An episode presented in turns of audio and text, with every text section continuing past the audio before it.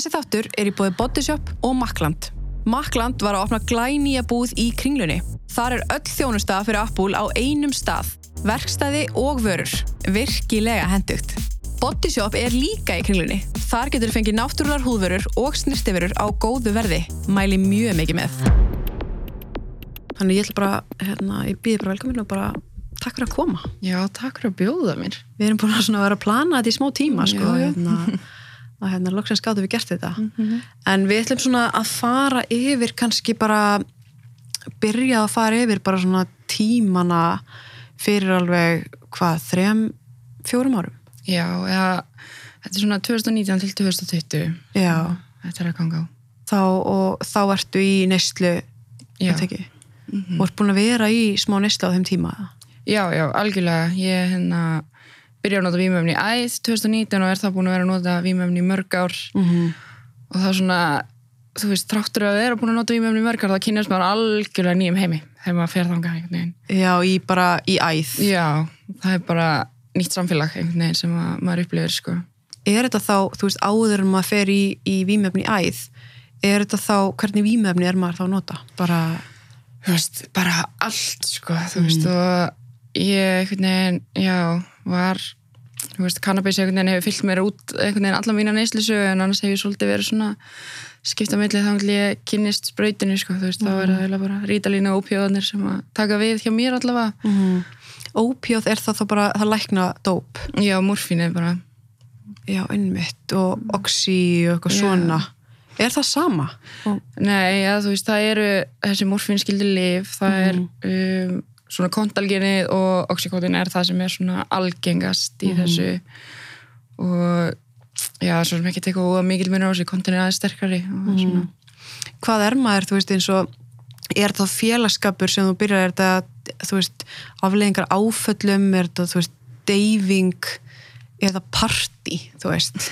Sko svona upphaflega var þetta bara rosalega mikil forvitni og en svo þú veist, þegar maður einhvern veginn upplifir vímu í fyrsta skipti að þá bara finnum maður bara þetta frelsi, þú veist, og búið að vera ótrúlega erfitt hjá mér einhvern veginn og maður búið liða ótrúlega illa.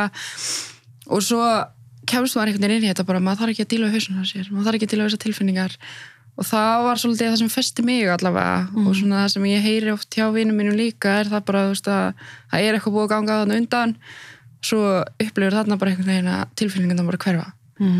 að mm. og þá bara, þú veist, verður þetta bara einhvern veginn allan mín svona bara undan komin leiði til þess að díla við lífi en svo náttúrulega bara snýst þetta algjörlega í höndur á manni og fer í rauninni bara að skapa allar tilfinninganda sem þú veist að reyna að flýja og allt einhvern veginn verður tíu svona verður sko. Mm en þá ertu bara komin inn í vítarhingin og þú ert orðið að háðir efnunum og þá er ekki svo yfirvöld að komast út sko.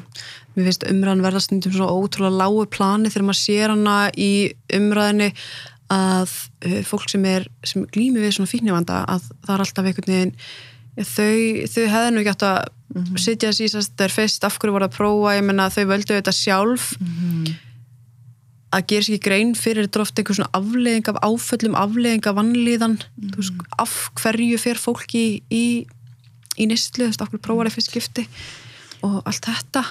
Akkurat sko og það einmitt þú veist það er ekkert sem fyrir mér í töðunum en akkurat þessu umræða vegna þess að nú þekki ég mjög mikið af fólki með vímumranda og ekkert einhvern veginn að þú veist þessum manneski með átt bara frábært líf fram að þessu og svo náttúrulega bætist hún áföllin sem að tengjast nýstlu þú veist það er eiginlega bara svona óumflýjanlegt sérstaklega komin í svona mikla nýstlu að verða ekki fyrir óbildi og verða ekki fyrir áföllum og þá voru ennþá verið að hætta því þú hendlar einhvern veginn ekki að takast á við það og svo bara, þú veist, þetta er svo miklu meira heldur en á fólk, þú veist, sérstaklega fólk sem tala svona getur gert sig grein fyrir.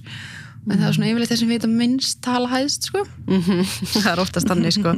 Ég ætti að meina að það mjög hérna, þegar maður er komin í þennan, í þennan félagskap eða þegar maður er byrjað að nota efni að það er svona, auð, hvað segir maður ekki auðveldara heldur uh, algengar að fólk verði þá líka fyrir ofbeldi þar. Já, já, já, algjörlega, sko það er bara, það er aðstæðanlegt að það er kannski að segja það bara eiginlega svolítið fylgir það. Þú veist, það ætti ekki vera þannig, en það er þannig og náttúrulega fólk bara þú veist, margir kannski svolítið búin að skemma sig bara, maður má segja svo leiðis og já, svona kannski dungreindin er svolítið farin og maður er bæði bara, þú veist ég hef alveg oft sett mín í aðstæður sem ég viss að væri mér hættulegar en veist, mér kannski bara vantaði húsaskjól eða þú veist, þarna voru efni eða eitthvað, þú veist, og maður fer inn í alls konar aðstæður, þú veist, það er náttúrulega aldrei okkar að kenna en, en þú veist, og svo eru bara, já, menn sem nýta sér til dæmis þessa neyð og þú veist, og það er bara ótrúlega margt svona sem að veginn gengur á sem að síðan fylgir manni bara endalust og bara ótrúlega mikið vinna sem tekur við þegar maður verður retrú, sko Mhm. Já, að, að maður að varstu þá tímabilið að að nota efni að þú bjóst bara á götunni Já, já, já, já. Ég hef bara búin að vera í atkverfum fyrir heimilislösa og, og það er bara svona, já, flakkandi á milli eitthvað, þú veist, verandi í hústökum eða verandi inn á einhverjum ógæslegum bílum og þú veist, bjó einu svona í herbyggja sem voru bara veggja lýs út um allt bara því ég hafði herbyggi, sko, þú veist, og það er svona búin að vera að koma á ýmsum stöðum.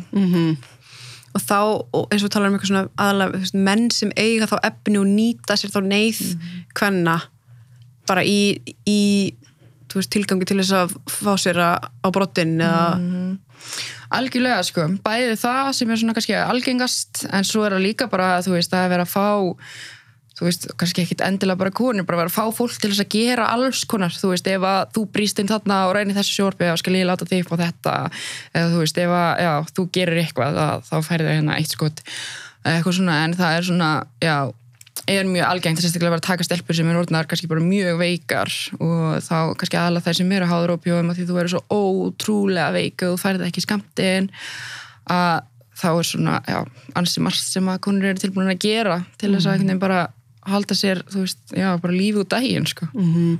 er þetta líka, er þetta menn sem eru bara líka í mikill neistlu, eða er þetta bara alls konar fólk Þetta er sko kannski fyrst og fremst menn sem er í neyslu en það er samt algengar en fólk heldur að þetta séu líka bara þú veist, menn sem að eiga bara konur og segir fá ekki nú mikið að þú svo heima á sér eða eitthvað svona ógeð og þú veist og bara menn sem að eiga pening Mhm. þú veist, það er oft líka bara það og svona já, þannig að kannski er ekkit eitthvað 100% bara menn sem er að núta og, og það er alveg svolítið sjúkt þegar maður átti að segja því hvað þetta er algengt á litla Íslandi. -hmm. og um þetta ég held að þeir haldi líka einhvern veginn að, að þær muni aldrei segja frá. Þú veist að það fylgir þessu einhver skömm að þú varst tilbúin til þess að gera eitthvað fyrir eh, að skamtiða pening? Nefnilega sko og það er þá og maður heyrir það líka bara þú veist oft ég mjög oft átti vinkonur sem að eru bara fastar þarna af því að þú einhvern veginn byrjar og og þetta er bara svona rústar þín þú veist og maður horfir upp að það er bara einhvern veginn verða engu og þú veist og þú bara heldur áfram og þetta er ekki svo auðveldu penningur en þú fær mikinn penning fyrir stuttan tíma og það er rosalegt að fylgjast með hvað sem mann hafa mikil völd yfir þessum konum. Og þá eru þeir bara að, að bjóða þeim efni og pening. Það er bara svolítið misjant, það fyrir alveg svolítið eftir bara hvort þeir séu í nýstlu eða ekki. Þú veist að yfirleitt er það þeir sem eru með fína vanda sem að er að bjóða efni. En svo eru líka bara alls konar menn sem að þá kannski eru með penningana frekar. Mm -hmm. af því að þetta virðist vera alveg smá vita í samfélaginu þetta hérna, að menn sem eiga peninga eru kannski að nýta sér neyð hvenna og gera það svona svolítið háða sér.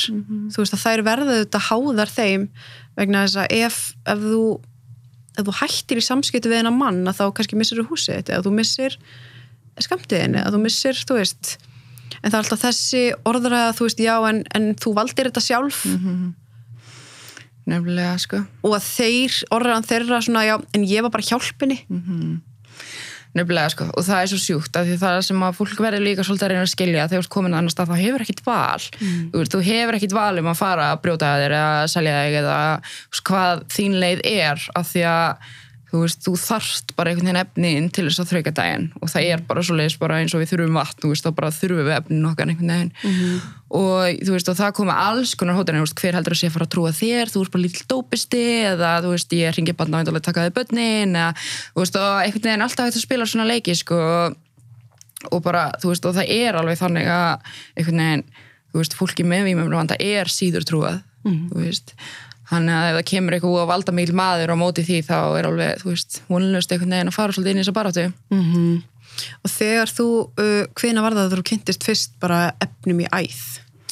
Það var 2019, byrjun ást 2019 að þá einhvern veginn já, upplifið ég, eða þú veist, þá í fyrsta skipti notaði ég æð. Og þetta var alveg bara mjög svona, ég tók bara mjög með þetta ákvörðun, þetta var ekkert eitthvað svona, þú veist, og ég bara tók mjög með þetta ákvörðun um að þetta ætlaði ég bara að prófa og já, ekki held ég bara neina ákvörðun sem hefur breytt lífun minni, já, mikið, haft mikil, mikil áhrif á mig og, og það, sko. Mm. Var það þá bara, voru það vinninni búin að vera að gera það og þekktir hans til?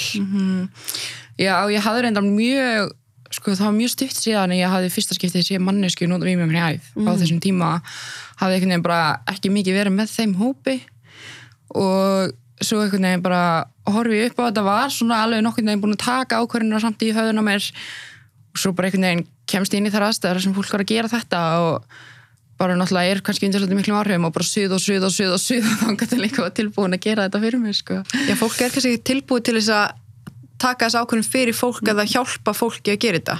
Svona flestir ekki sko, þú veist, það er alveg til í dæminu að fólk sé bara, herri, hvað þú verður að prófa og hérna, veist, þetta er bara gegja eitthvað svona en mm. Hópurinn sem ég á með að þessum tíma það var alveg bara, ég var alveg að sittast niður í tíu mínútur og bara hugsa nú málið og þú veist, þetta er búið að hafa þessi áhrif á mitt líf og ertu bara viss um þetta og þú veist, og það svona voru líka kannski alveg vinið mínir sem er svolítið undstekningana, þú veist, mm -hmm. það var svona en svo einhvern veginn bara manipulitaði ég svolítið inn í þetta bara, mm. ef þú gerir þetta ekki þá bara fæ ég einhvern annan til að skera og þú veist, eitthvað svona og endanum fekk það í gegn sko. mm -hmm.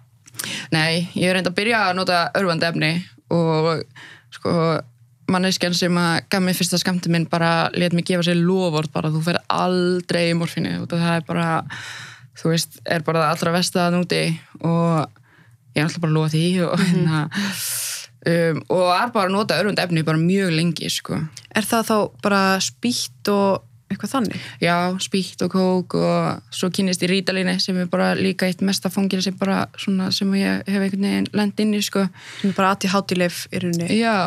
Og er það þá bara svoðið, uh, það, bara, veist, það verður þá bara í vökuformi mm -hmm. og, og sprö, fólk spröytar sem með því? Já.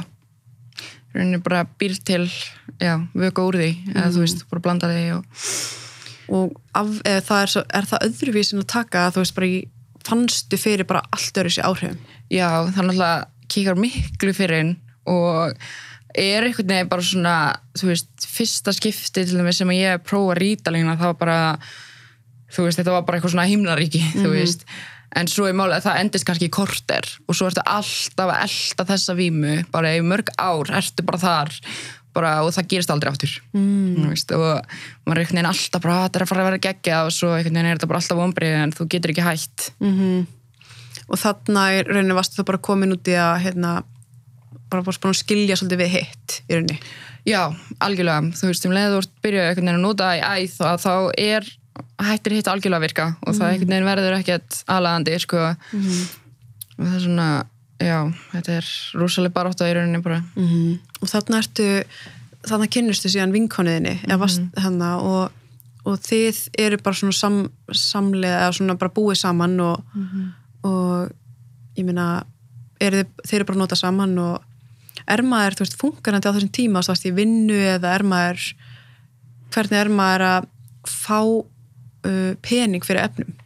Sko, svona ég held að fæstir á þessum stað séu vinnu, þannig að bara flestir annarkort á örorku eða fél og, og svo er það bara, þú veist, maður þarf einhvern veginn bara ég veit ekki hvað ég skulda marga miljónu, bara kríut lán hér og þar og svo eru bara einhver afbrót og maður einhvern veginn bara gera það sem maður þarf að gera til þess að þrauka daginn sko. Mm. það er bara svolítið mísjönd hvað verkunni taka við hvinnars. Mm.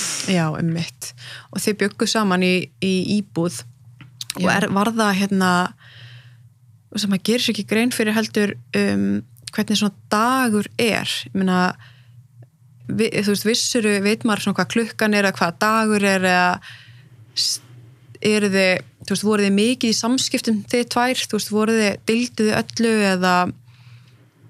Sko, já, ég kynst henni fyrst 2016 í meðferð og um, svo dettur hún bara mjög fljóðlega, ég helst ég eitthvað eitthvað smá tíma og svo um, bara svona hef ég samband í rauninni um leið að ég fer að nota aftur. Mm. og hún svolítið bara teku mig inn á heimilið sitt og ég býð þar með henni og uh, öðrum strák og svo kærast hann um hennar. Og þetta er í rauninni svolítið bara sami dagurinn aftur og aftur og aftur og aftur. Og það fyrir svolítið eftir þú veist, þegar ég er í örvandi reynslu af ekki hugmyndum, þú veist, hversu margir dagar er búin að liða sinni í svo síðast eða hvað klukkan er eða hvernig ég borðaði, sko. En svo breytist það þegar að maður fer yfir í ópíóna þá svona slaknar aðeins og maður er svona aðeins meðvitaðar um umhverju sitt. Mhm. en þetta er í rauninni bara, þú veist, maður vaknar eða fer ekki að sofa og svo já, þú veist, við áttum ótrúlega náinn og fallið samskipti til að byrja með og við vorum ótrúlega góða vinkunur og hún var einhvern veginn svona já, eina fámannskjum sem að var vinkona, þú veist, að einhvern veginn bara leiði mér að búa inn á sér og og ég bjóð þar, þú veist, samfleitt í hálft ári eitthvað og, og við vorum bara alltaf saman einhvern veginn og þetta var svolítið bara svona, þú veist, eitthvað kom upp á í dag og þá hafði ég allavega hana og þú veist, eitthvað kom upp á henni þá hafði hún allavega mig og veist, og svona pössuðum svolítið upp hverja aðra Mhm. og hún, þetta ég man að þú varst að lýsa fyrir mér íbúðinni Mhm. þetta hafi verið bara þetta er ekki aðstæður sem maður vill búa við Nei. Þetta var alveg hræðilegt sko líka bara í fyrsta skipti sem ég labbaði hann inn þá bara labbaði ég mjög flott út og það var fyrsta nótti mín í konikoti sko og það var eiginlega bara skára en það er bara, þú veist, aldrei farið úr skónum að því þú þarf bara að vaða drastlið bara upp á kálfum, ógeðslega líktana og þú veist, þetta var að tveimur hæðum og það var bara blóð upp eftir veggjanum og alltaf eitthvað fólk að koma inn bara í einhverjum gerðum og bara gæti verið rosalegt ástand. Og svo var eitt herbergi og bjóð í mjög stóri húsi og var eitt herbyggi sem að var bara stútfullt bara á nótum, sprautum og nálum og bara, þú veist, já, ég veit ekki örugglega bara 20 cm eitthvað bara frá gólfi og bara veist, þetta var alveg ef heilbreyðsættleit hefði komið inn og hefði einstaklega íbúinu, sko, þú veist, þetta var bara ræðilegt hvað er það þá hérna þú veist, þetta bara sapnast saman, þetta eru bara dagar sem bara sapnast saman og enginn tekur til í rauninni. Já, og bara, þú veist, þau voru búin að vera þarna í einhver ár og þú veist, og það var ekki heitt vatn í aðeim lengur og ekkert vatn í klósetunum og ekki neitt, sko, og það er bara er einhvern veginn allir bara að spá í einhver allt öru og enginn að pæli þið að sé drasl og já, þú veist, það er bara svona fólk er einhvern veginn upptekið vanað og þá bara mikla í vaskinum og, Já, já, já. En þú, bjó, þið bygguðu þetta samt? Já, og þetta var einhvern veginn bara skárinn að vera á gutinni, það var bara annarkvært þetta eða vera úti.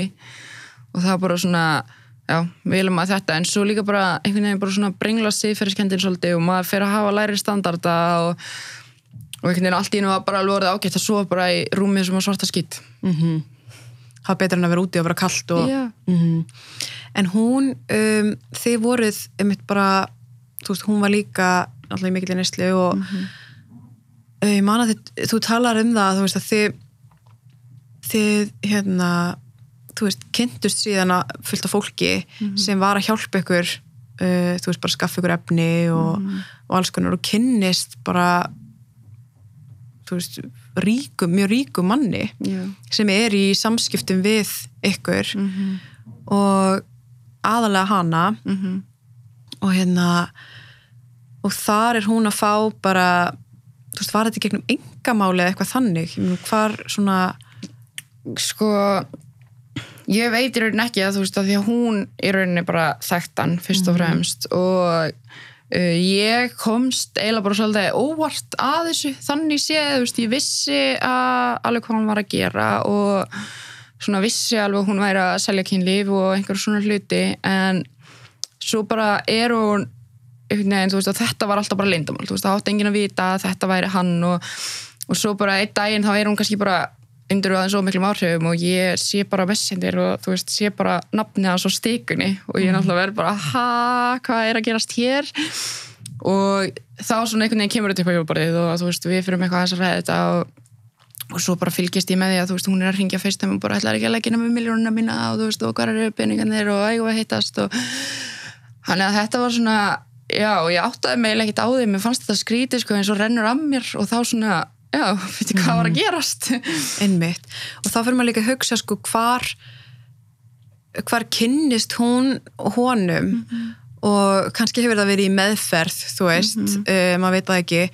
En þú veist, og hvað er það sem hún uh, hvað er það sem maður þarf að gera til þess að fá hana pening? Mitt. var það þá bara hún var að fara í heimsókn eða hún var að selja kynlíf á sem, eða hún var í vændi? Já, hún var það sko og hérna, og svo bara svona fylgdist ég með henni einhvern veginn á þessu halva ára sem ég bjó inn á henni. Þá fylgist ég einhvern veginn bara með henni verða grænur og grænur og grænur og líða verð og verð og verð og fara út bara öll kvöld bæða að hitta hann og fleiri menn og einhvern veginn er alltaf úti og er alltaf í vændi og þú veist, og koma svo heim og vera bara, þú veist, mér var nöðga í vinnunni í dag eða þú veist, þetta kom upp á í dag og bara, og það er svo bara brýtur í mér hjarta svona eftir á að hugsa, þú veist hvað eru þessi menn að spá út að ég er ekki að segja í samtíkja en ég skil það frekar ef að þú ert í neyslu líka og ert sjálfur á þessum stað, þú veist. En að vera eins og bara þessi maður sem að ert bara, veist, í vinnu og bara með fjölskyldu og, og bara í þessari einhvern veginn stöðu í þjóðfélaginu þá er það svona, þú veist, um hvað snýst þetta? Þetta getur ekki verið kynlið, þú veist, þetta snýst um völd. Þetta snýst um einhver völd og gera konur háðar sér Já. en að réttlega þetta kannski fyrir sér þannig að þú ert að hjálpa einhverjum. Nefnilega sko, það var alltaf þetta þú veist að hann var bara aðstóða þú veist og bauðst til þess að hjálpa mér að komast í meðferð og þú veist og voða góður og voða næs og bauð mér í kaffi einhvern tíma sem ég þáði ekki sko og, þú veist og það var alltaf þetta sko voða næs og góður og samt var hún bara orðin, þú veist, bara nota ópífaði æð og bara endan hún dó. Einmitt. Já, hún deyr síðan að því hún verður uh, hún deyr úr eða einhverju svona Já. bara ein, já, vegna neyslu. Mm en þá er maður alltaf að spurja, spurja sig sko veist hvaða ábyrða er sem, sem hann hefur þarna. Þú veist, tekur taka þessi menn enga ábyrð á því að þú ert í rauninni í þeirri stöðu að þannig er veikur einstaklingur og þú ert ekki að hjálpa með því að þú veist hjálpa manneskunni að halda áfram í neyslu. Gegn því sko að maður, bara, maður bara næri sig einhvern veginn ekki. En maður er allt, ég er stundum að setja mig í þess aðstæður þar sem ég er að skilja hvaðan, ekki þessi hægt hvaðan, hvernig er réttlega þetta fyrir sér? Er það virkilega þannig að þeir halda að þeir séu að hjálpa þú veist? Fannst upplifði hún, já hún alltaf kannski upplifði það þannig að, að því hún þurfti líka skamti sinn sko. Og hérna þannig að maður skilur alveg hennar stöðu og hún, hún er í yngri stöðu í rauninni. Hún er í einni stöðu og hún þarf bara næsta skamt og hann er að nýta sér það. Já, algjörlega sko, algjörlega. Og þú veist og það er líka bara þetta að sko, þú veist, eins og vorum að tala um aðan að þessi völd sem að þeir hafa yfir henni, þú veist, að einhvern veginn horfa upp á hana, fara út kvöld eftir kvöld eftir kvöld eftir kvöld, koma svo heim með pening til þess að hún og kærastin geti fengið sér, eins brengla og það kannski er að þú veist, horfa einhvern veginn upp á þetta og þú veist, þegar að svona mennskir eru að því að hvað á hún að gera? Þú veist, hvað á hún að gera einhvern veginn og, og þú veist, og hún sagði líka bara, sko, veist, hennar markmið var bara svolítið þá sagði hann bara, ég ætla bara að nota þannig í þú veist, og það var bara, hún bara gati einhvern veginn ekki meira eftir það, sko. En það var samt svo auglust, þú þurftir ekki annað en að horfa á hana bara til þess að sjá hver staðan væri, þú veist, bara öll bein standandi út um allt einhvern veginn og bara og bara leit ræðilega út. Veist, og bara einhvern veginn fárveika HVF og, og ég hef líka stundum hugsað, sko, að því að veist, hún var ekkert að taka lifin sín til dæmis við því, skilur þú veist, að eru þessi menn einhvern veginn ekkert að spá þetta, nú hafði til dæmis þessi maður alveg vittneski um það að það var málið.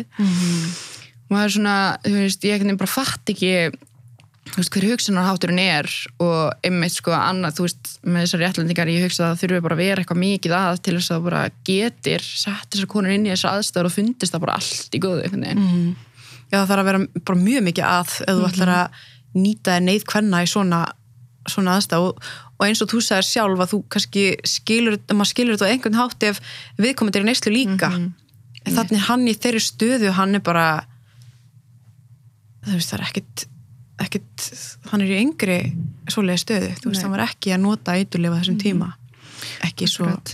ekki svo maður viti sko, en Akkurat sko og svo þú veist alltaf að berjast fyrir því að fíkn er alvarlegasta eitthvað megin samfélagsins í dag eitthvað veist og vera svo þarna og þetta er bara, þetta er svo sorglegt og þetta gerir mig svo reyða en þú ferði einhvern tíman í, í meðferðið ekki? Jú, á vogi fer maður ekki á vog og svo fer maður kannski hvort annað? Jú sko þú er hægt að fara þá leið og það er kannski svona algengasta leiðin sem að er farin og um, og ég er alveg búin að koma við held ég bara svona á flestu meðferð heimilum sem er í búið sko. en næ síðan að verða eitthvað bara fer bara inn á geðdild og veginn næ að láta það bara renna mér þar sko. Mhm. Já, og svona bara búin að vera í alls konar vinnu síðan þá náttúrulega Mhm. og þá er maður alltaf þá er maður líka alltaf að hugsa að því að nú er búið að vera svo ótrúlega mikið í gangi í, í samfélaginu í kringum þú veist eins og S.A.A. og, og þetta og einhverjir látnir fara mm og hérna þú veist að þegar þú varst þarna inni að hérna að einn þeirra var bara þinn ráðgjafi Já. skilur -hmm. og ég mani vorum eitthvað að tala um þetta þú veist hvers, hversu sjúkt þú veist þessi raunveruleiki er veist, hvernig þeir hugsa þessir menn þú veist, Já. sitja þarna fyrir framan þig og eru að hlusta á þú veist þína áfallasögu og þú veist hvernig var það fyrir þig að þú veist heyra síðan af hans veist hans sögu einhvern veginn sko, mér brá mjög mikið og einmitt segir bara, eða þú veist, sendið alveg á fleiri vini mína, einmitt sem hafa verið en á vogi og bara, what the fuck, þú veist, þetta var bara svo skrítið út að einmitt ég hef bara séð þar að það er alltaf þetta gangunum bara marg oft og einmitt hefur verið rákjafið minn og þetta er svo fyrðulegt einhvern veginn og það vogir er svona staðurinn og sem þú átt einhvern veginn að geta komið inn á og það áttu bara að vera örug og það hefur alltaf verið mín einhvern veginn upplifun af vogi, þú veist og, og ég er mjög þakklátt fyrir þess að veist, þeir hafa alveg bjargað lífinu mínu oftar en einu, svona oftar en tvisvar. En svo komu upp svona mál einhvern veginn og mér langar ekki að sitja allt þess á undir einn hatt og Nei. þess að hugsa, veist að ok, að kannski þarf að taka betur til á þinni, já, kannski búið að vera lengi eitthvað sem þarf að taka til hann í stjórninni allavega og kannski eitthvað að gerast núna einhver áætlun sem er kannski í gangi. En fannstu fyrir einhver svona reyði þegar eins og þegar segir af sér eða hann er látið fara eða hvað sem það var að hefður viljað að hann hefði látið vit eða þú veist, hefður viljað að tala við einhvern annan? Þú er aldrei viljað að hann hefði verið, hefði verið ráðgjafiðin, hefur vitað hans sögu? Nei, einmitt sko og hérna, nei, klálega ekki. Og þetta er svona að ég veit ekki, mér finnst þetta bara svo ógeðslega absúrt einhvern veginn. Og mér finnst svolítið á svona stöðum og ég veit að það er kannski bara svona uh, takmarkaði möguleika til þess en það hlýtur að vera hægt að gera eitthvað bakgrunn tjekka á fólki áður en það fær einhvern veginn að gegna svona ógeðslega mikilvægur stöðu. Svo er þarna inni, þú veist, og maður er að koma inn og maður er einhvern veginn aldrei eins brotin eins og þegar maður lappar inn á vók þú veist, maður er einhvern veginn búin að oft bara brjóta allar brýr á baki en enginn tala við mann lengur, maður er bara búin að brjóta öll sín prinsip og bara búin að gera alls konar hlutir sem maður langar ekki til að gera. Svo maður er frákvörum og vona það, þú veist og það er bara, já maður er einhvern veginn aldrei eins brotin og svo frétti maður eitthvað svona og þá er það bara já, stórskritið sko. Að tala um einhver áföll og líka búin að horfa upp á vinkonuðina þú veist, vera í vændi sjálf og hvernig afleggingar það hefur þú veist, þú þekkir hennan heim þú hefur, og svo er maður sem situr á móti er einhvern veginn bara að stunda þetta sjálfur. Einmitt sko, þetta er alveg sjúkt og maður er bara svona, já þú veist, og svo hugsa maður einmitt líka bara til þess þú veist, ok, og eins og með þú veist, að því að maður þekkir alveg fleiri konur sem hafa verið í vændi, þú veist, er þetta fólk að kaupa vinkunum hans, eða þú veist, hvað hver er staðan? Og veist, þetta eru líka alveg mál sem að eru rættan inni, þú veist, og það er verið að ræða þetta til í hópmeðferðinni þann inni og þú veist, en eins og sé það er samt mjög þakklátið þess og þegar að þessi vinkunum minn deyr og stíði lappin og vók daginn eftir og ég lá bara í fanginu á ráðgjárum minnum og ég bara grét og grét og grét og grét og grét, þú veist, og það er alveg margt ótrúlega gott sem hefur komið hann líka þú veist, það er ekki það, en þetta er svona, já, svona misti ég aðeins kannski tröstið við þetta. Mm já, ég meina, eðlilega en það er líka bara þú veist, kannski var þetta bara sem, þú veist, umöld að segja kannski var bara eitthvað svona sem þurfti að fara að komast að yfirbora til þess að eitthvað er þið bara gert. En, en á þessum tíma þú veist eins og veist upplifir einhverja svona líður einhverja reyði gagvart bara þeim mönnum og þessum manni sem, sem var í samskiptu við vinkoniðina Mhm. Já, algjörlega sko og það er alveg bara eitthvað klárlega sem ég þarf bara að fara að vinna í svo og sérstaklega eftir hún dó þá er svona búið að vera einhvern veginn mjög mikið reyði gagvart honum partur af sorgaferlinu mínu. Og þú veist hann er svona reglulega poppar upp í alls konar umræðum og, og það einhvern veginn bara situr allt á stað bara í kerfinu mínu og bara þetta er svo mikið óréttlæti og það er einhvern veginn svo umurlegt að hugsa til þess hvað hún hefur þurft að gangi í gegnum einhvern veginn áður en hún síðan bara deyr. Og þú veist og skilur svo einhvern veginn deyr og þetta er bara svona, þú veist, hún fekk svo ótrúlega óréttlátt spil á hendi einhvern veginn, að því hún var góð stelpa það var einhvern veginn ekki það skilur þú veist, og einhvern veginn bara viltist algjörlega leið og bara þurfti að herja mjög harða baráttu. -hmm. og hefði náttúrulega bara þurft hjálp. En svo er það líka, þú veist, er voru þau ekkert um að hvetja hvor, hvor aðra, hérna, bara nú förum við meðferð? Sko við tókum þessu ákvörðin mjög oft. Og það er svona, já gekk kannski ekki alltaf eftir en hún átti pantaði með þeir bara mánuð eftir að hún dó eða þú veist, hún var að tala um og hún ætlaði að komast inn og já, svo bara Mm. deyr hún Já, innmitt. Og hafði hún einhverja, hvernig upplifun hafði hún af vændinu sjálf? sko það var annarkort, var alltaf í gangi ótrúlega mikla, mikla réttlætingar og bara þú veist, þetta er bara það sem ég vil gera og svona er þetta bara og þú veist og ég svona ímynda mér að það hafa bara verið eitthvað svona survival mode, bara að lifa af einhvern veginn inn í þessum heimi eða þá bara hún brotnaði algjörlega hér og bara ég get ekki meir og þú veist og þetta er bara svo ræðilegt og eitthvað eins og bara einhvern veginn er hún alltaf komin út bara aftur um kvöldi af því að þetta er einhvern veginn bara hennar leið þú veist að einhvern veginn hvað fólk að gera og ég get líka bara ímynda mér þú veist, þegar þú ert orðin svona búin að vera þarna bara í mörg ári einhvern veginn að þú veist, þá sé þetta orðið bara svolítið svona normið, eða þú veist. Já, maður er bara einmitt. Maður, maður getur ekki, það er ekki hægt einhvern veginn að setja sig í þessar í þessar stöður en ég, eins og þú varst að segja, held kannski að sé einmitt þannig að hvernig getur þú farið gegnum þessar aðstæður eða þú teluðu ekki bara trúum að þetta sé sem þú vilt? Akkurat. Þannig að öll umræða sem maður sér stundum á netinu eitthvað svona æ, ég bara þú veist, að þetta, þetta sé þeirra val af hverju, af hverju voru það þarna, af hverju fóru það þarna?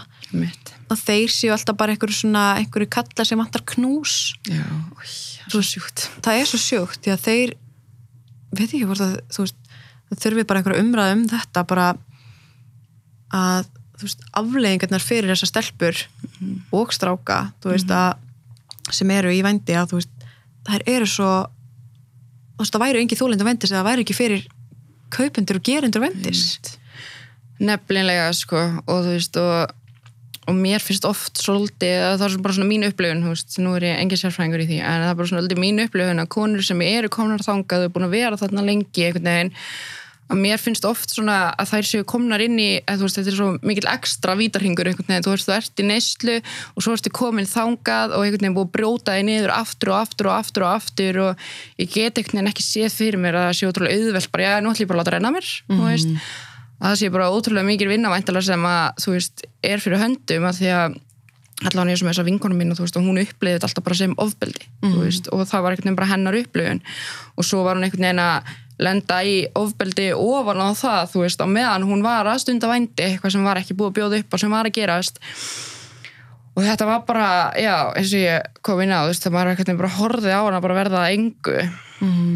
En svo líka eins og þú sagðir að hann notaði bara sitt eigin nafn. Já, og það er einhvern veginn bara, þú veist, já, ég er einhvern veginn alltaf bara svona pæliði bara hvað það er ótrúlega stúpid. eða hvað er, er það þá bara þú veist, þau voru bara í miklum samskiptum. Mm bara hérna og var þetta þá orðið þannig, þú veist, fór hún var hún að hjálpa honum að eða hjálpa honum, þú veist, að finna aðra stelpur?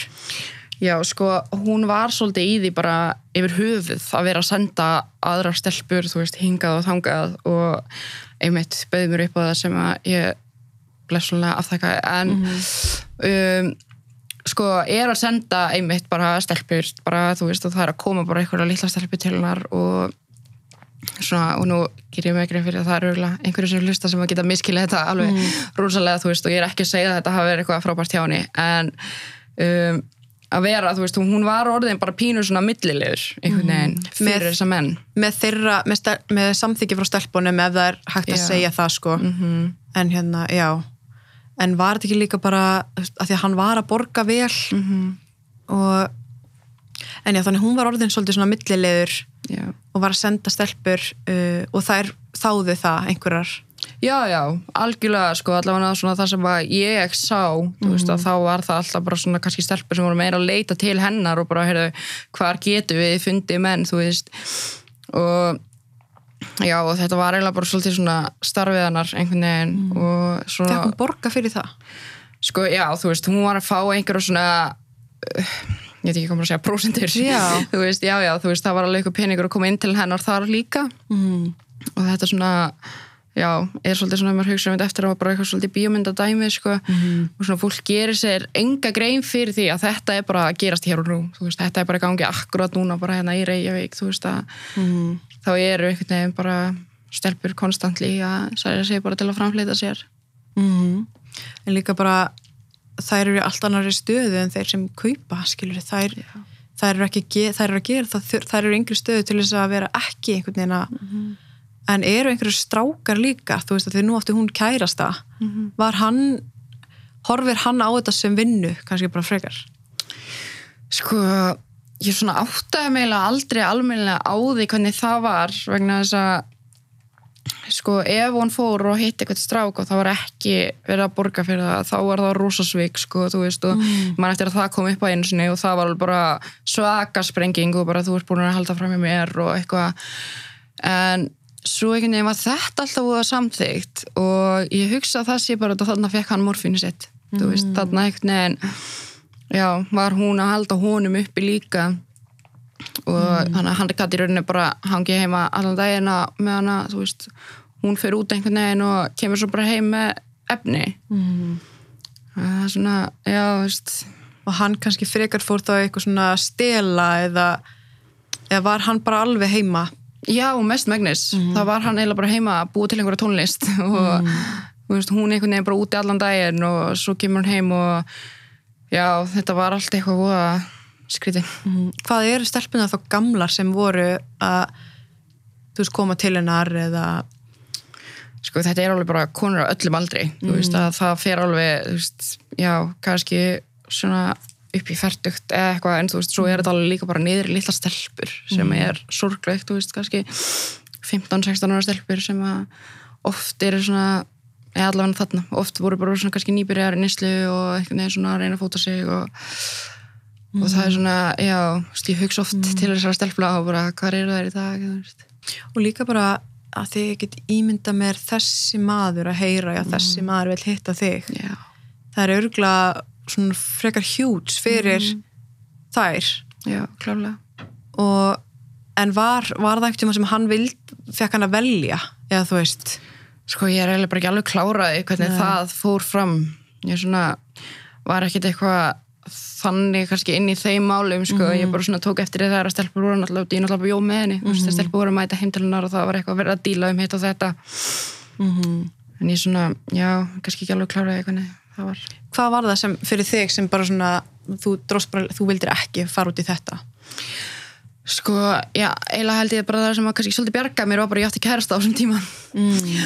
og hérna en svo bara einhvern veginn var ég svo fegin þú veist að því að ég er bara nýflutt inn til hennar þegar að ég fæ einhvern veginn þetta tilbúð og þú veist og þá var það þá var það það sem stoppaði mig var bara kærstinn einhvern veginn en svo eftir á þú veist þegar ég fer einhvern veginn bara að fylgjast með því hvaða einhvern veginn áhrif þetta er að hafa þú veist þetta var ekkert bara hún þetta bara einhvern veginn er ótrúlega mikið í þessum heimi að stelpur er á þessu að þá svona, já einhvern veginn bara, þú veist, þetta verður bara svo, eða, þú veist, það er svo vond einhvern veginn bara að fylgjast með þessu skilju og ég ætla ekki að segja einhvern veginn, mér hafa aldrei dottið það í hug en já, þú veist, þetta er bara hræðilegur heimur einhvern veginn að, þú veist, bara svona ekstra vitt einhvern veginn að bara að horfa inn í þetta, sko hefði það verið, þú veist, hefði hún hefði ekki getað fengið eða ef þú hefur ekki getað fengið efni, hvað gerist þá? Þú veist, hefði hefði hún þá kannski, hefði það bjargað henni? Sko, þú veist, ég veit það ekki því að bara, þú veist, það kom alveg svona dagurinn á milli þar sem að var einhvern veginn ekki neitt til og veist, kannski til peningar en þú veist, þá gæt dílarinn ekki mæti eða eitthvað svona, þú veist, það kom alveg upp. Og það bara, þetta er í alveg bara svona verstu veikindi sem ég hef nokkuð tíma æfinn upplifa bara. Og það bara svona er eiginlega bara erfitt að lýsa en bara maður er veginn allir bara undirlagður og þú veist og það kom einhvern tíma einhver moment þar sem ég var í einhverju atkvarfi og bara starfsfólki þurfti bara að koma og draga mig upp á styrtinu og leggja mig upp í rúm og bara breyði yfir mig sko því ég bara stóði ekki í fætunar og maður bara ælir og ælir og ælir og bara með niðurgang og mann er svo ógeðslega kallt einhvern veginn og það er ekki hægt að klæða sig kuldana því að hann kemur eiginlega innanfrá þú veist og þetta er bara hræðileg staða sko og þá mm. kemst maður svolítið þú veist eftir kannski sólaringi þessu þá er maður eiginlega komin inn í bara hér ok ég er bara tilbúin að koma að gera hvað sem er svo förum bara hérna og ræðinu þannig að gerum þetta eða hitt sko En já, ok, þannig að og þetta er, verður maður að komast yfir þennan, hvað er þetta langt tímabil? Getur þetta verið bara vika eða?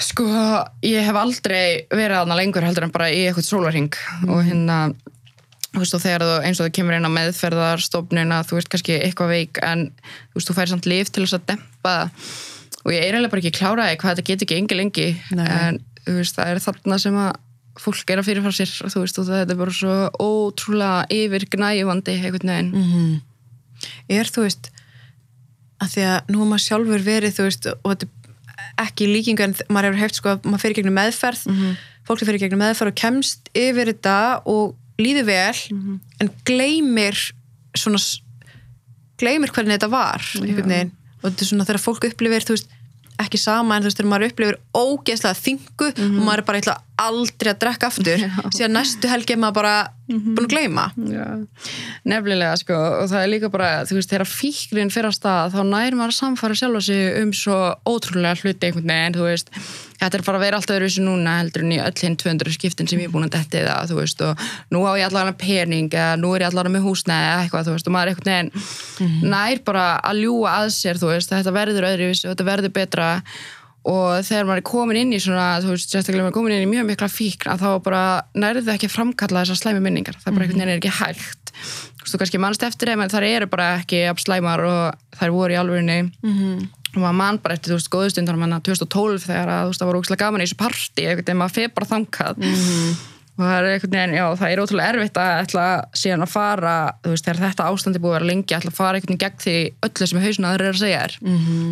það er bara meira en að segja og er langur byggðlisti að því nú hef ég alveg séð þú veist að og heyrt að menn eru að þú veist koma stelpum fram fyrir rauðin á vogi þú veist mm. að koma þeim í meðferð og hérna er langur byggðlisti þú veist að maður ætla bara sækjum Sko, já, eða þú veist, það fer eftir um, eins og ef þú verður að fara inn í þína fyrstu meðferð, þú veist, þegar ég fór í fyrstu meðferðinu mína held ég þurfti að býja þrjá daga bara, eða eitthvað svo leiðis. Um, og svo bara fer þetta eftir í, þú veist, hvað er langt síðan þú komst síðast og svo held ég að sé líka eitthvað svona kerfi hjá þeim, veist, á hans ég sjálfur kláraði, þú veist, hvernig ég nýslu ert í eða eitthvað svo leiðis. En ég er svona, já, yfirleitt hef ekkert eitthvað þurft að býða eitthvað brjálaslega lengi en svo heyrir maður alveg að fólki sem er kannski bara í sex mánu eða eitthvað á bílistanum og, þú veist, en hann hjálpaði henni alveg nokkur sem að fara í meðferð.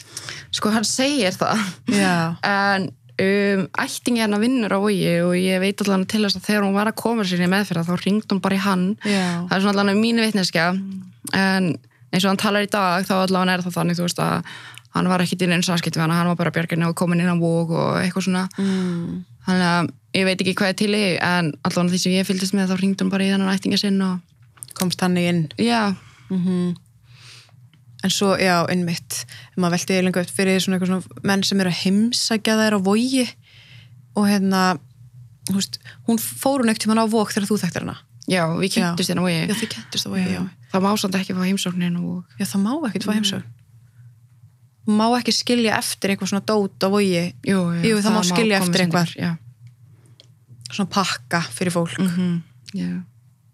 innmitt en maður er svona, innmitt, eins og þú segir veist, maður er svo ótrúlega maður er aldrei að brotina þegar maður bara ákveður að fara inn á vók hvað áhrif það hefur, þú veist, þegar einhver einhverjir eru að pinga í mann inn á vogi, þú veist, hversu létt það er að bara beila, þú veist, hugsaður um það sjálf þú varst á vogi, bara er ég mér langar ekki að vera hérna. Já, já, veist, ég er búin að fara aldrei tólsinum inn á vók og svona í lang flestum tilfellum þá hef ég bara farið út. Og ég hef bara ekki höndlað þetta eða bara ómikið fíkn eða þú veist, einhver aðna inni sem var tryggjörandi eða um eitt maður ringir eitthvað símtal sem maður á ekki ringja og þú veist, eitthvað svona. Og hef lang oftast bara hlaupið út og einhvern veginn ekki bara meika þetta sko.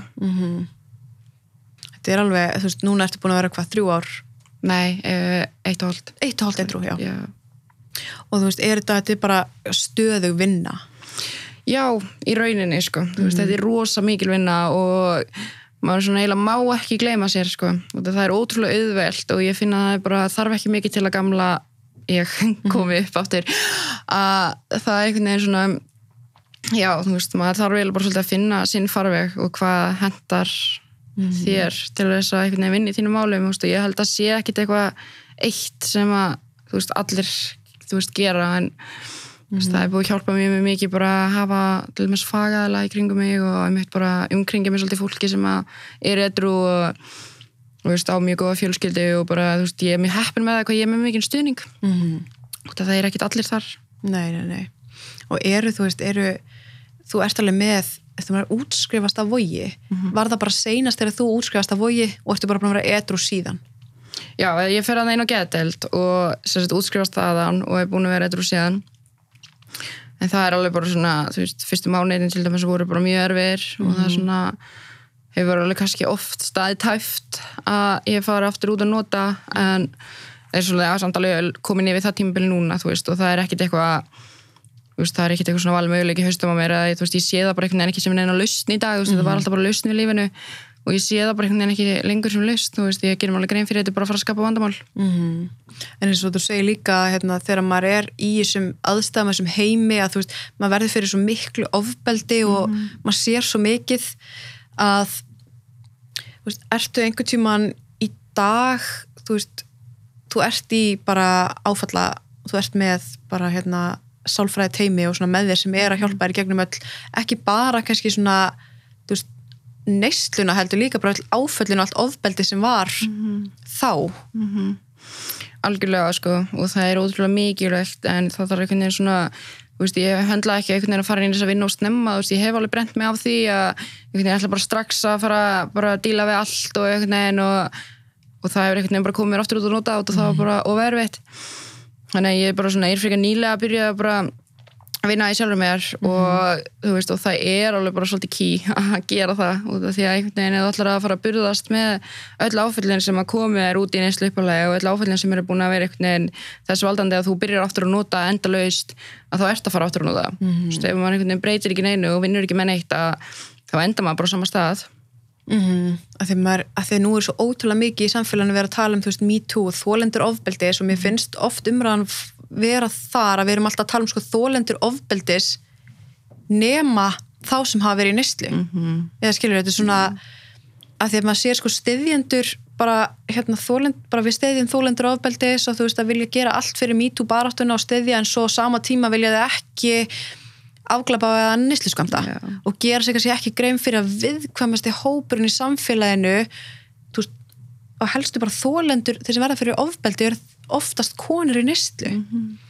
þannig að maður svona ég veldi oft fyrir mig hvort að fólk skilji almennt umræðuna þú veist, í kringum bara nýstlu þú veist, þetta er ekki bara þú ert ekki bara heima hjá þér að nota þú veist, þetta er líka bara þú veist að verða fyrir svo ógæslega miklu ofbeldi mm. í leðinni Algjörlega sko, ég held að fólk gerir sér almennt sem bara ekki grein fyrir þessu og mér finnst líka bara mjög ofta svo reynir fólk sem veit eitthvað að segja eitthvað þá vil enginn hlusta mm -hmm.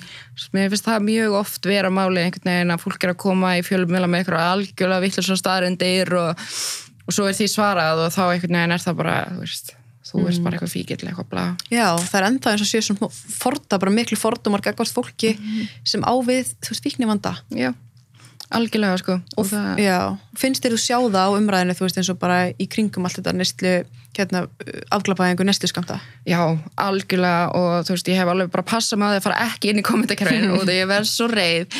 Og ég myndi þegar að var verið að opna þetta nestlu rými að bara eitthvað eiga skattgreðindu núna bara að fara að borga undir eitthvað fíkla og borga bara undir nestluna þeirra og eitthvað, þú veist, þetta er svo ótrúlega mikil fáfræði, mm. þú Æmitt, og svo veist, eru alþingismenn að koma í fjölmilum og eru að tala um að afgleipavæðing og lögleðing sé það sama sem er bara enga veginn máli veist, og það er einhvern veginn enginn tilbúin að kynna sér þetta. Mm -hmm. samt að þetta allir að tala og það vantar einhvern veginn alveg okkur inn í ferlið þú veist, mm -hmm. hvað eru við eins og í umræðinu um afgleipavæðingu af hverju eru við ekki tekinn með inn í ferlið þegar við erum ákveðið þetta, af hverju eru við ekki spurð? Emitt, og svo líka svo mikil hræstni á sama tíma veit maður, þú veist, ok um, þessir alþingismenn sem eru að tala um þetta mm -hmm. það að hérna, þeir sem hafa verið að prófa eitthvað sjálf í einhverjum partíum mm -hmm. og svo miklu forrættnda stöðu yeah. bara það var engin það var engin að fara að koma inn í þetta partí og handtaka þig fyrir mm -hmm. þetta en, en auðvitað miklu líklara einhver laurugla handtaki einhvern sem býr á götunni mhm. þetta er svo mikið svona þessi umræða fer á svo ógeðslega látt plan hjá þessu fólki yeah. algjörlega sko og, en þú ert alveg, ég séð svona hérna þú veist þetta bara stiðjandi hérna afglapæðingu neistiskamta Mhm. og hérna hef síðast stu, hef stundin vera svona einmitt að, að hérna bara læka þessar umræður Mhm. og þannig heldur þú veist finnst þér núna um, heldur að þú munir einhvern tímann fara út í þú veist að hjálpa kannski fólki sem er með fíknivanda eða tala um þessu mál eða Sko það er eiginlega bara alveg klárlega planið og ég eiginlega bara einsetti mér það svolítið eftir að ég var þetta að þú veist, reyna að berjast fyrir þess að jaðasettu hópa vegna þess að að við erum svona ótrúlega jaðasett og við erum svona miklu minni hluta hópi þar sem maður einhvern veginn mæti fórdóma við konstant alla daga einhvern veginn og allt samfélagi bara, þú veist, ég vill ekki sjá þig. Að einhvern veginn vera þarna prófa að upplefa þetta og finna, þú veist, hvernig þetta er að þá langar mig ótrúlega mikið einhvern veginn bæði verið að nota mína reynslu og að því að ég er tilbúin að tala að svona, já, reyna að nota það til þess að hjálpa fólki sem er ennþá þarna. Mm að því að þú veist, það er það var svo ótrúlega mikilvægt allavega fyrir mig að finna bara, þú veist, þessu fólki sem er að vinna í skadamengandi þú veist, að bara finna að hei, það er einhver hérna sem sér með þessu mannesku og það breytti bara öllu einhvern veginn í mínu lífi. Já, að minna svona bara í það að þú actually líka bara fannst að það er einhvern til staða fyrir því og leitaði hjálpar? Já, algjörlega. Og þú veist að það var bara þetta er bara einhvern veginn, þú ert endast að mæta fordómum þú veist, þér þú veist, þú ert ekki velkomin inn í búðirnar og hinnum, þú veist, og það er bara allt einhvern veginn svona og þú veist, svona flestir búin að gefast upp að þér og einhvern veginn og, og maður er sjálfur að brjóta sér svo mikið niður og því maður er að gera alls konar sem maður ætlaði sér aldrei að gera einhvern veginn. Og svo kemur maður inn í, þú veist, frúrakneði eða konukot eða einhver atkverfi eitthvað og þar er bara fólk sem er bara nei, hæ, gaman að sjá þig, þú veist, hvernig líður þér? Og þá er maður bara svona, veist, ég hvað ég var mindblown bara einhvern veginn fyrsta skipti sem ég labbaði inn í frúrakneði og þau bara vildu tala um mig. Þú veist, það var ótrúlega skrítið einhvern veginn og og þetta varði einhvern veginn bara svona minn stuðningur og þú veist og ég tala alveg stundum við ennþá við þú veist eitthvað af þessu fólki í dag og, og svona já er að deila með þeim úr mínu lífi og þú veist og þetta er svo þetta var svo ótrúlega stór partur af lífinu mín og þetta var svolítið bara svona fjölskylda mín þegar ég var úti einhvern veginn að nota mm -hmm. þannig að þetta er einhvern veginn þetta skiptir svo gríðarlega miklu máli og ég held að fólk bara einhvern veginn fatti ekki eins og bara með þetta mig hvað þetta getur gert ótrúlega mikið og bjarga mannslífum.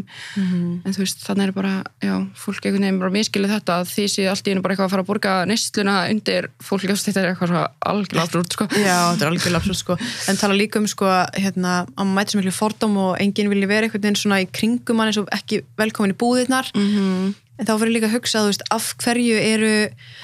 mm að menn í samfélaginu eins og þessi maður sem tölum á hann af hverju, af hverju sækist hann í í, þú veist þessar stelpur? Þú veist að því að ekki á, getur hann ekki, er það þá var ég líka að pæla eins og þú sagði þetta snýst ekkert um kynlíf, þetta snýst ekkert um það held ég, sko. En ég fóð líka að velta fyrir mér áðan hvernig samskiptin voru þú veist, var þetta bara eitthvað hæ, hvað segir í dag? sko, þú veist, þar sem að ég svona sá að heyrði þá var þetta alltaf eitthvað svona þú veist, þú ert litla stelpa mín og eitthvað svona, þú veist að og bara svona, það var kannski ekki sagt beint út en þetta var bara svona ég á þig þú veist, þú ert mín einhvern veginn og, og þarna fekk hún ótrúlega mikla viðurkenningu líka, þú veist, að heyra eitthvað svona þegar þú ert á þessum stað í lífinu, eins og ég segja enginn vill sjá þig, enginn vill tala við þig og svo kemur þessi maður allt í rinn og bara eitthvað mér þykir vænt um þig eitthvað Einmitt. svona, þú veist, að það verður þetta svo ógislega mikil viðurkenning. Og þú veist, en svo svona aðalega held ég að þetta hafi bara, þú veist, þau voru alveg að taka FaceTime og eitthvað Skype samtölu og eitthvað, þú veist að og varst þú bara eitthvað hæ? Nei, ég svona, eð, þú veist, ég fylgdist alveg með þessu sko, en mér fannst þetta bara svo ótrúlega einhvern veginn absúrt bara, þú veist, og bara einhvern veginn að sita þarna og horfa á þetta og bara hlusta einmitt á þetta, hvernig þau eru að tala saman, þú veist, litla stelpar mín, þú veist, þetta er mm. Þannig að svona, já, svo er þetta yfirleitt bara, ég var planast í hitting. Og þetta var bara upp í miljón sem hann var að borga. Já, það var, þú veist, það mesta sem ég heyrði hann að tala um allavega var það að hann skuldaði miljón, ég svo veit ekki hvað það var fyrir mörg skipti eða fyrir hvað það var.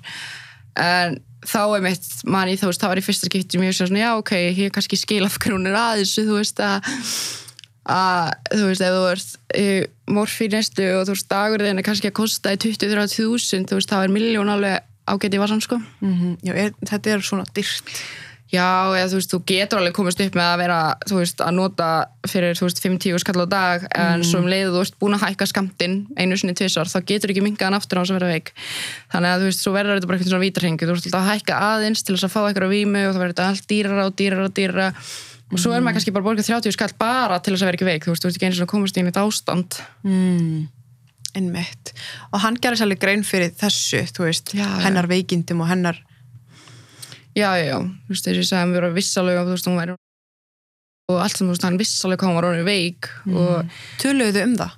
Uh, sko, ég sagði hann það einhvern tímann. Já, uh, og hérna í einhverju svona reyði einhverju kjaftaði sko og hérna og þá náttúrulega kannast hann bara ekkit við að hafa verið að gera neitt með henni sem hann mátti ekki vera að gera og, og eitthvað svona og það var þá sem hann bauð mér hann í kaffi og hérna en þú veist, já, já, hann vissi alveg af því og vissi alveg af því að hún væri bara að spreita sig og vissi alveg af því bara hversu ótrúlega veikum var orðin og, og ég veit þessi ég kom inn og að það fór heldur ekkit fram hjá neinum. Þú veist, þetta er svona manneski sem hún lappar þetta gauð og bara svona, já, ok, þú veist, ég sé hvað þú ert að díla við. Mm Einmitt.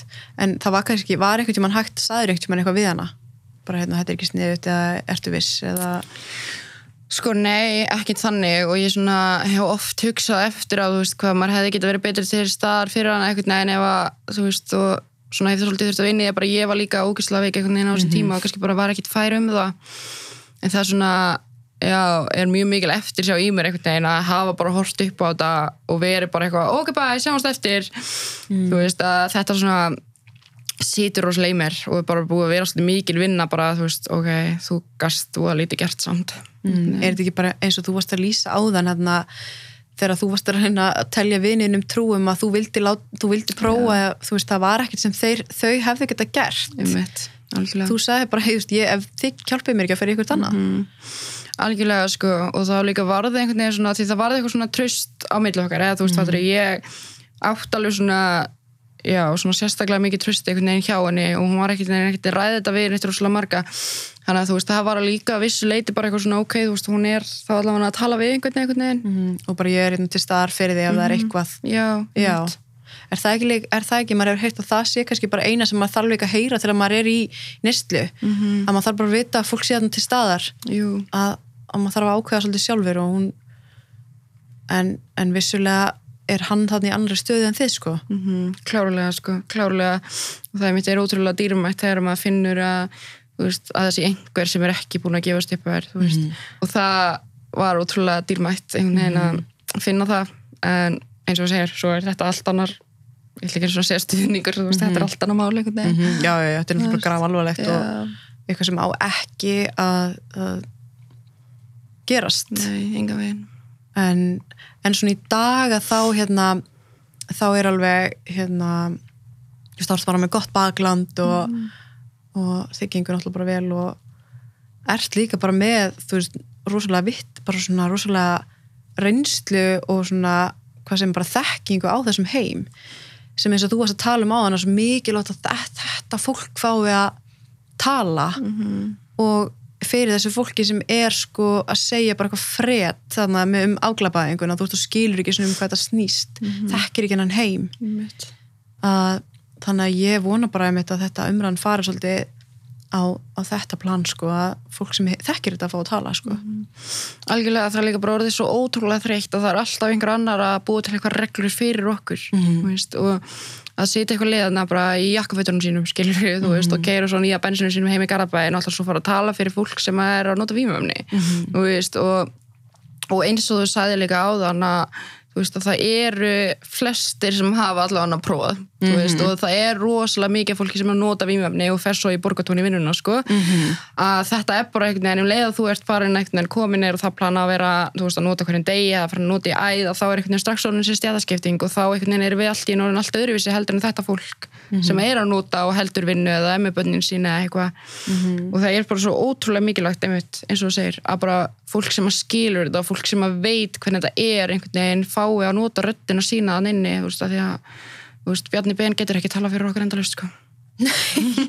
þú sér nú alveg hvernig það er líka búið að vera. Það eru allir bara maður, þetta var bara þvílið tryggarandi að lesa þetta bara. Sjálf bara, ég þekki sjálf ekki þennan heim en ég bara þekki fólk sem er verið og maður bara þetta svona segir maður ekki svona lætir maður ekki út úr sér bara forréttinda blindi maður. Mm algjörlega sko. Algjörlega óásættanlegt sko. Það er það sko. En já, ég held að þetta sé kannski bara hérna, ágætt svona lóka orð hjá okkur hérna, að hérna, er eitthvað sem, eitthvað sem þú vilt nefna? Nei, ég held að það sé bara svona flest komið fram sko. Gæði það bara búið indislegt að hafa þig og já, takk fyrir mér